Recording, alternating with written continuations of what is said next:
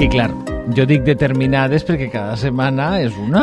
Clar, tu te rius. Com s'haurà quedat ella escoltant el trending topic? Qui?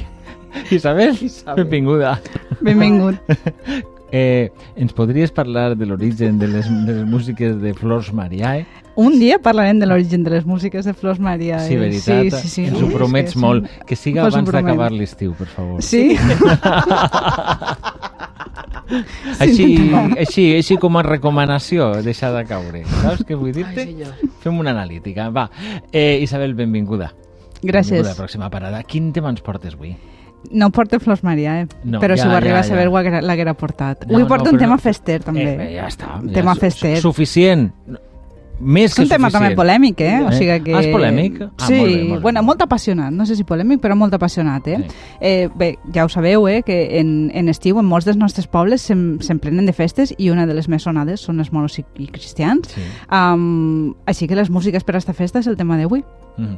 Escolta, començarem, si et sembla bé, fent una pregunta que pot semblar una miqueta bàsica, eh, 1.0, no? Eh, eh, perquè si ens, escoltara algú de fora potser no ho sabria. Els cristians porten una música i els moros una altra.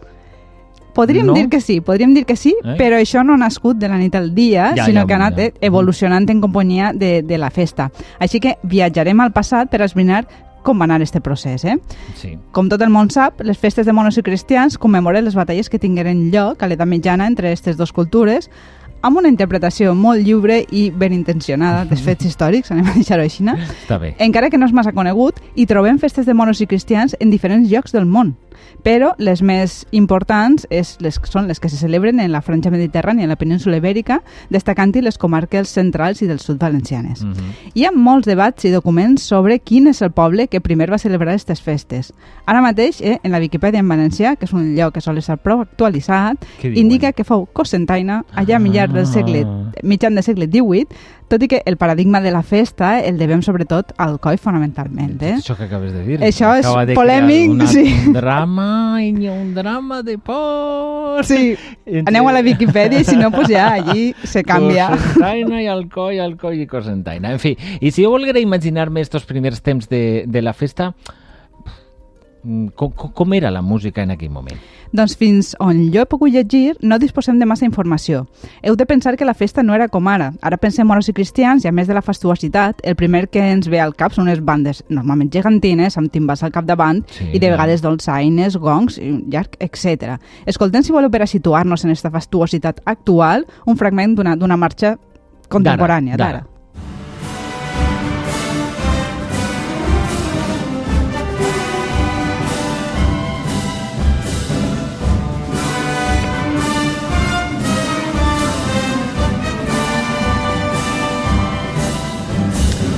Aquesta és una marxa actual de Saúl Gómez, però heu de tindre en compte que al principi del segle XIX, que és quan tenim localitzades aquestes primeres restes, sí. ni tan sols les bandes existien com a tal.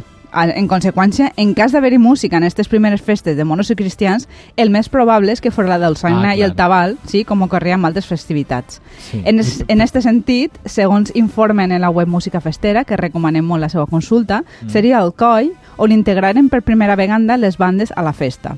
Aleshores, a mesura que les bandes van instal·lant-se en cadascun dels pobles, van instal·lant-se també com una part de la festa. Eh? Clar, va com progressivament va, és com una onada, no? Mm. I parlaves de, clar, de, de, de, del segle XIX, quants anys fa d'això? pues, quasi 200, eh? per grosso modo, està documentada en 1817 que la comparsa primera de l'Anna, actual Filal Llana, va contractar la banda del Batallón de Milicianos Nacionales, Ai, única mare. banda que hi havia al coll, sí, formada per músics locals, perquè acompanyaren els membres de la fila en alguns actes festers. I quines músiques és possible que tocaren?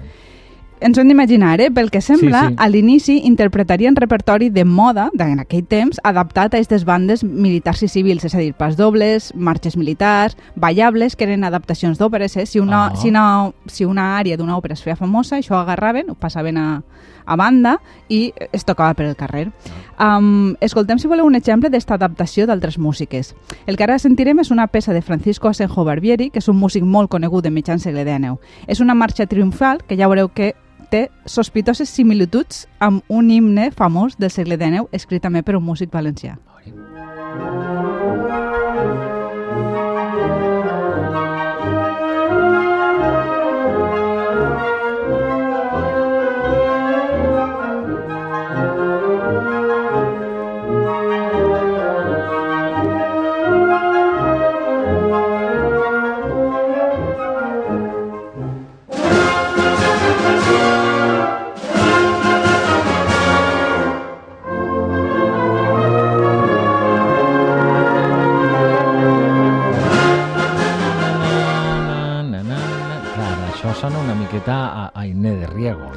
Sí, jo no sé si realment estaven vinculats, no tinc notícies, però potser algú ho ha, ho ha investigat, que ens ho conta per xarxes. I bueno, és, és un bon exemple perquè vegeu com els músics del passat ja reciclaven músiques. Eh? Val a dir que no hi havia, enti- sí, no hi havia entitats de gestió d'autor, que és un tema important en aquest sentit. En aquell moment no... Sí, bo, en qualsevol cas, l'àudio és un regal que ens fan els amics del projecte en Clau Events, que és un canal exclusiu de YouTube per a música de banda, que un dia parlarem d'ella a fons. Per favor, que està, segur que està xulíssim. Tornem ara, si, si possible bé, a les músiques per a, per a moros i cristians. Sí, el que estàvem escoltant és una adaptació que podria ser una de les, de les músiques que sonava, que hauria sonat en aquestes primeres festes, i després d'esta primera etapa on s'adapten les músiques d'altres contextos és quan comencen a perfilar-se les músiques pròpies d'una festa d'una forma molt progressiva. Mhm. El primer pas fou anar afegint algunes modificacions al gènere per autonomàcia de la música de carrer d'aquell temps i també d'ara, que és el pas doble. Sí.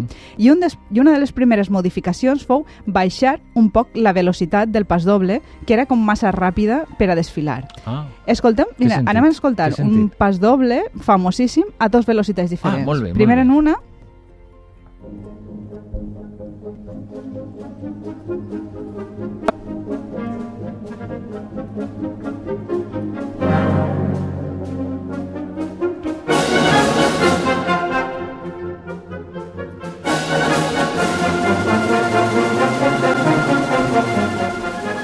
Això és un pas doble que es diu, bueno, forma part d'una altra obra que es diu Mhm. Panitoros, sí, Sí. sí. també és de, de mitjan del segle XIX, un poc més endavant. Sí. És una versió i ara escoltarem més lenta.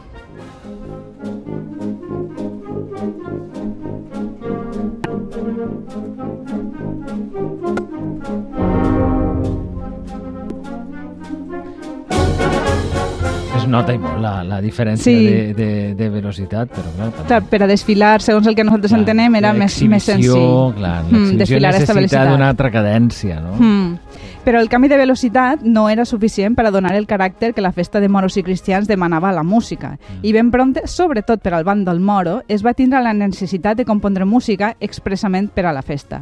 I així és on entra la, la peça, la primera diana, escrita per l'autor alcoià Juan Cantó francès, de l'any 1888. Mhm.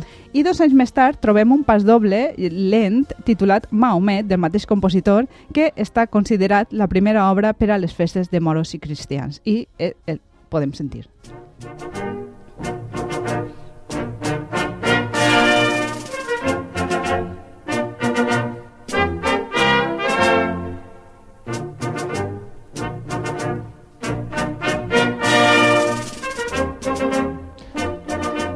Ja va, ja va acostant-se, però encara és molt, molt Encara queda, diferent no? eh, de la música que, que sentíem al principi. No? Sí, Eh, sí, sí. Eh, de fet, ara així és quan comencen una, una gran quantitat d'autors que feren procediments diferents, eh, eh, perdó, el mateix procediment però en diferents jocs, no? Sí. I altres persones que apunten que compartint este títol tenim Moro Guerrero, de l'autor, en este cas, de Cosentaina, Mm. Manuel Ferrando González. D'altra banda, en Bocairent es conserva el pas doble Manueles i Fajardos del murcià Julián Calvo García, tots, som, tots més o menys de la de mateixa, la mateixa època. època. Mhm. En qualsevol cas, pel que fa al bàndol moro, se ho estigueren pensant i, film, i finalment va néixer la idea ja no de fer adaptacions de pas dobles i marxes a ritme més lent, sinó de peces de carrer amb to morisc. Mm. Eh? Sí? I també va ser en Alcoll, on l'any 1904 trobem la primera obra que, que un autor classifica com a marxa àrab i està dedicada a, a una filà que, és, que ja veieu que és una cosa que està totalment instaurada Sí, sí, sí, sí, eh, sí. i avui en dia es repeteix. Eh, escoltem, si voleu, Bonicherrasc, del compositor eh, del músic alcoià Camilo Pérez Laporta, dedicada a la fila homònima.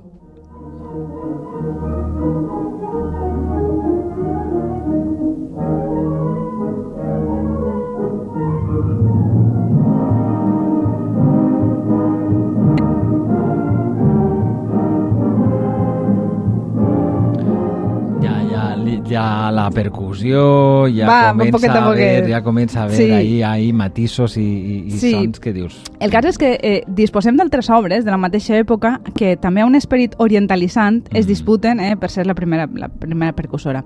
De tota manera, el gust per això àrab no era res estrany en aquell moment, no només al territori valencià, sinó, sinó hispànic. Eh? Eh, vull dir, a nivell europeu hi havia un moviment que s'anomenava alambrisme, que intentava eh, donar estos tocs de Exotis- moriscos, exòtics, exòtic, sí, sí. orientals, Mm. Eh, I és això, són obres que incorporen elements eh, orientals que, per a crear un, un subgènere. No? Tenim, per exemple, una altra obra del compositor Roberto Chapí que es titula Fantasia morisca, com altres d'aquell moment.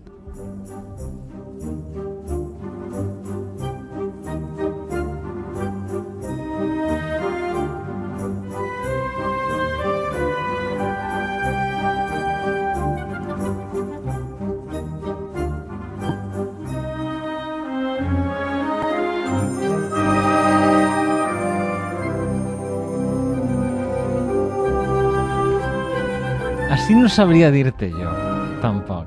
Sí, li va, li va posant com xicotes sí, de hi ha, percussió. hi ha elements, sí. eh, les campanites aquelles, el triangle i totes aquestes coses Sí. comencen a sonar ahí una miqueta. No, Són- però, però no sé si tindria eixa... No, no sé, eixa... Ell li va posar així, és, és com una suite, està, està descriguent els paisatges de, de Granada, sí. que mesclen doncs, això, doncs, un poc el que es considerava en aquell temps andalús, Clar. morisc... Jo veig més ibèric. Que, sí, que, que, que, que... entrava en este pack i es Sí. va anomenar així, hi ha moltes obres que entren dins este pack que volen Mm. buscar este regust. Eh? Mm. Um, aleshores, eh, inclouen aquestes xicotetes modificacions en algunes notes o, o en detalls en, en la percussió per a que fer que sone més àrab, imitant el que serien les músiques àrabs que funcionen d'una forma totalment diferent a les nostres. Sí. I és que a mesura que avançava la música eh, se'n troben més d'aquestes modificacions. Vaig eh, eh, explicar-vos-en un parell. La primera és melòdica. Hi ha alguns girs de les melodies que contenen la música que coneguem genèricament com a Sí. àrab i que s'incorporen a la música bandística. Estes, modi- estes tres de la música àrab Mhm. s'incorporen. Vale. Escoltem, si voleu, un d'estos girs melòdics i després escoltarem l'adaptació que, que, es, que es fa la música de banda d'ací. Molt bé.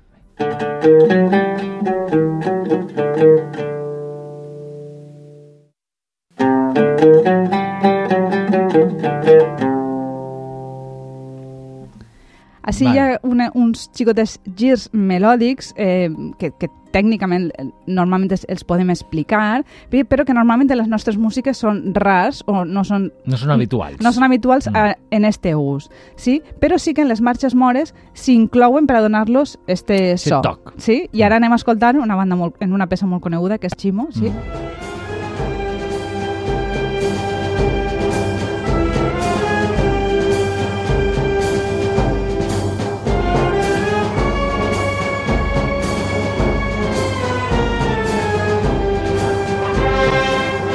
Sí, sí que és possible identificar-ho, eh? Vull dir, sí que pots Sí. fer el paral·lelisme i sí que es nota, però clar, són coses totalment diferents. Són coses totalment diferents i Sí. funcionen de forma interna Sí. diferent. Eh? Sí. El que fem així és una estructura bàsica de la música comuna d'ací, adaptar estos girs melòdics. Mm. I una altra forma és incloure, esta és una melòdica, i ara anem a veure en una rítmica, eh? que eh, que el que fa és ajudar-nos a endinsar-nos en aquell imaginari que tenim nosaltres totalment exotitzat de- d'allò morisc i que a més el que fa és que li, li brinda un altre color no?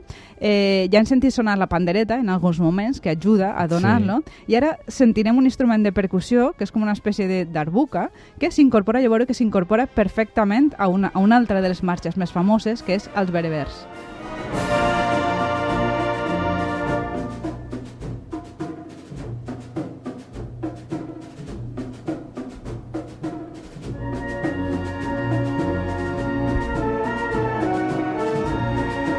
Sí, ara ja... Eh, vull dir, al final és, tot és un, un, una...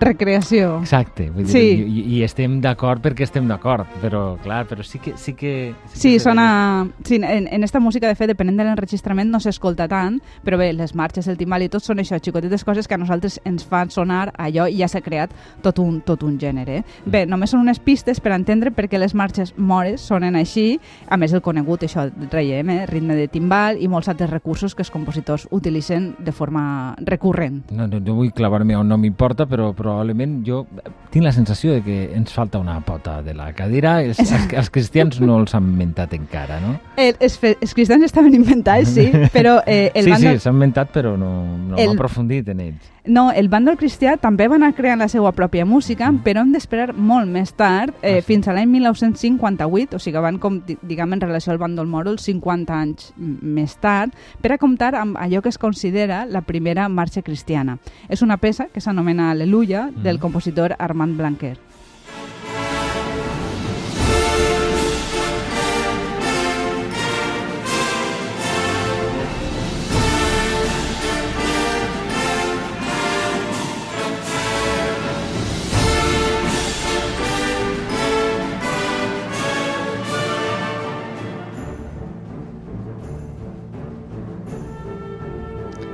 Sí, el bàndol Ah. cristià encara desfila en pas dobles, és, és més comú, depenent, Sí, de, sé. de la població, Clar. mm, alternen, alternen. El bàndol moro normalment sol desfilar Sempre en... en les seues músiques en les seues marxes, pròpies, sí. les seues marxes. Molt interessant ha estat això, eh, de veres, perquè és una evolució que jo no m'esperava que anara per aquest cantó i sobretot pe- pensava que pensava que totes les músiques i les marxes mores en este cas, que són les, les que més hem aprofundit, venien de prou més arrere. No, M'ha no, resultat no. molt sorprenent de que en realitat estem parlant dels últims... Clar, estem parlant d'un període llarg perquè estem parlant de 200 anys, però així tot em pareix un període relativament curt, no? 200 anys des de l'inici, però les marxes, uh, les primers que coneguem, tenen 100 i pocs anys, i les canòniques, algunes, com Ximo o els Berebers, tenen 30 o 40, Tenen no tantes. cosa, Sí, eh? sí, sí. M'ha sorprès, m'ha sorprès Mm. sobretot per, per la... Per la joves que eren estes Són joves, Són sí. joves. Els joves que eren estes marxes. Isabel, un plaer, com sempre. Gràcies. Amb nosaltres. Gràcies. La Gràcies. setmana que ve ja saps, Flors Maria. Eh? No, cal que te diga res més. Escoltem música en una terrassa. L'estiu que t'estimes. En la ràdio d'A Punt.